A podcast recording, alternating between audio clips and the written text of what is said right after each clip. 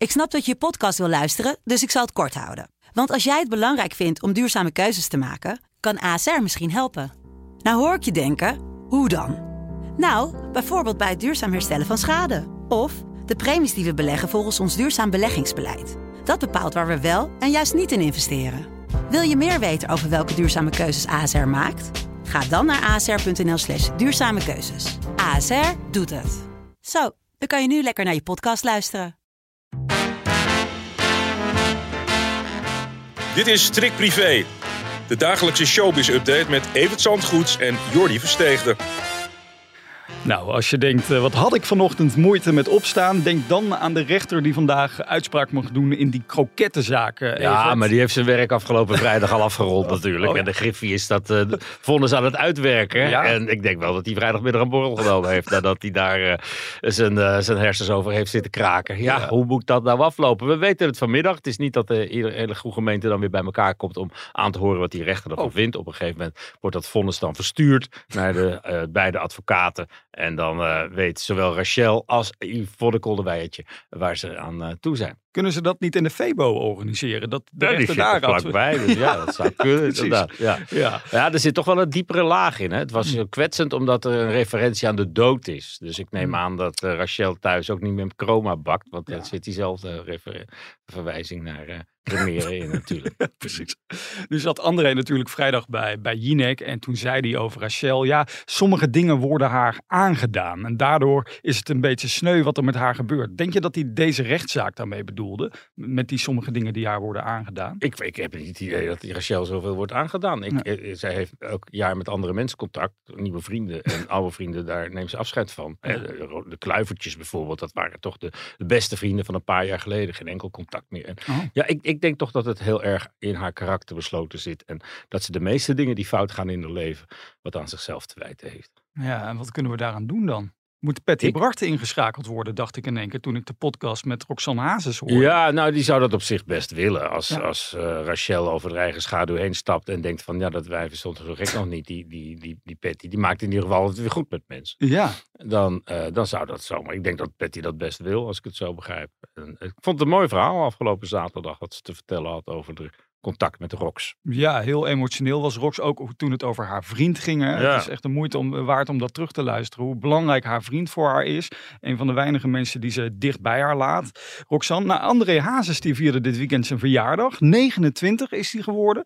Deed hij in Secret Garden. Ja, Dat was een eh, mooi feestje geloof Dat ik. was een mooi feestje. En eh, gelukkig was de Secret Garden weer open. Fantastisch restaurant in Amsterdam. Wat Ja. eh, heel succesvol was. En net voor de kerst een enorme brand had. Maar ze hebben alles op alles gezet om gewoon met de kerst weer een volle bak te kunnen draaien. Oh. En nu de verjaardag van, van André te huisvesten. en ja, het, ik, daar had je wel bij kunnen willen wezen, geloof Ja, ik. ook. Nou, Rachel was er natuurlijk niet, maar Monique die was er wel. En die gaf een heel bijzonder cadeau aan André. Ja, heb je het gezien? Ja, een schilderij met Ja. Natuurlijk André senior. Met eh, junior. Ja. Ja, ja, jammer dat het alleen op eh, eh, dat het via kunstmatige intelligentie tot stand mo- moest komen. Ja. Ja, André is er al bijna twintig jaar niet meer, zeg. Onvoorstelbaar. Die, die bijeenkomst in de arena toen, dat staat toch op je netvlies gegrift dat dat al zo lang geleden is. En dat het nu nog gaat over de erfenis. Tot slot hier nog even over. Jij weet altijd alles op het gebied van showbiz, showbiz. Dus ben ik benieuwd. Wat is nou die vorm die Monique en André op dit moment hebben? Want ze hebben een vorm gevonden om samen te zijn. Nou, het lijkt wel op die van de Meilandjes. Echt- Ze vieren in elk geval elk jaar kerst. Dus dat Ja. is al eh, dat is één vorm. Ja, het is, ik, ik, ik weet het niet of die verloving en dat huwelijk er nog gaan komen. Waar ik altijd zo van overtuigd was. Ik begin er nu toch wel een beetje aan te twijfelen. Want het duurt erg lang. Ja. Maar ja, ze komen niet los van elkaar. En dat is op zich ook een hele mooie vorm van liefde. Dus eh, nou, misschien dat er toch nog wat uit voortkomt. Nou, over liefde gesproken. Daar is niet echt sprake van tussen de kinderen van eh, Jan de Bouvry. Want vandaag is er een rechtszaak in Lelystad. Wat is dat toch altijd pijnlijk Ja. als je het eh, niet eens kan worden met de andere helft van de familie. Hè? De- Jan is twee keer getrouwd geweest. Mhm. De eerste huwelijk heeft eh, twee kinderen opgeleverd, een, een, een zoon en een dochter.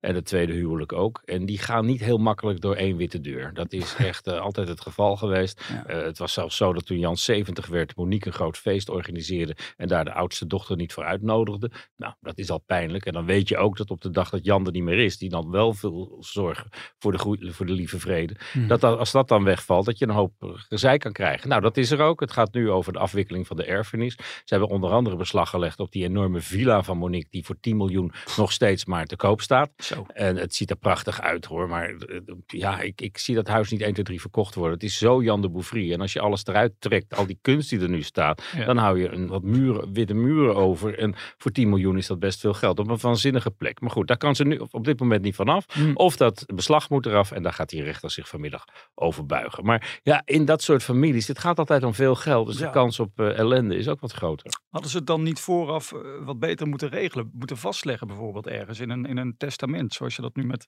Ja, Ja, dat, dat zal vanmiddag allemaal blijken. Welke stukken er op tafel komen. En wat er geregeld is. En waarom die andere twee kinderen het er niet mee eens zijn. Dat is, eh, ja, dat, dat, dat, dat komt, daar, daar is die rechtszaak voor. Hè?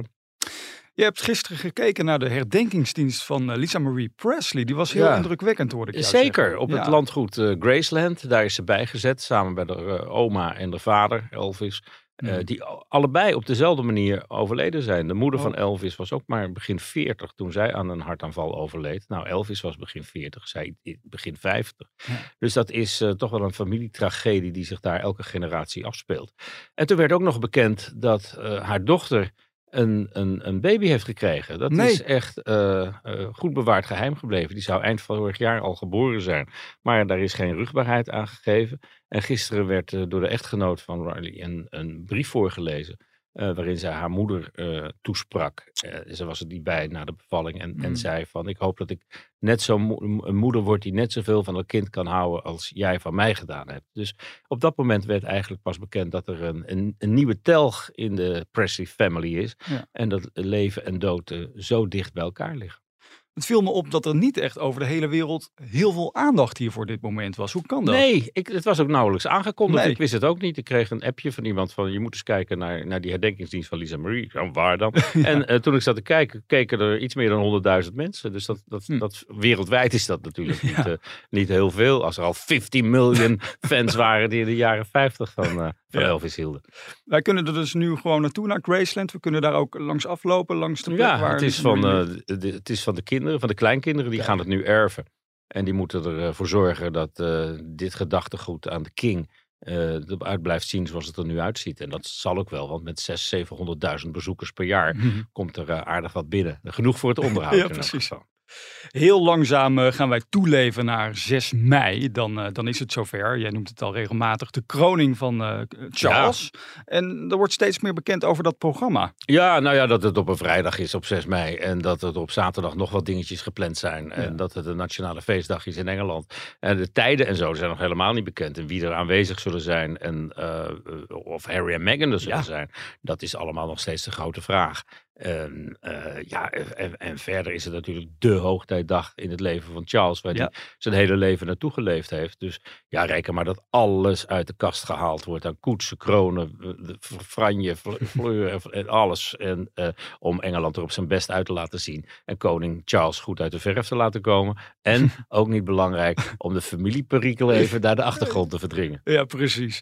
Tot slot hier nog over. Zou Sylvie Meis daar ook uitgenodigd worden? Want die wordt tegenwoordig... Die is overal Ja, die is overal. Ja. Het zou me niks verbazen als ze naast Camilla zit. Ja, precies. Dit weekend was op een peperduurfeest in Dubai. Maar goed, daar later meer over. Wij zijn er weer doorheen, want eh, deze maandag zit er weer op voor ons. Maar Hey. morgen Dan zijn we er weer. Tot dan.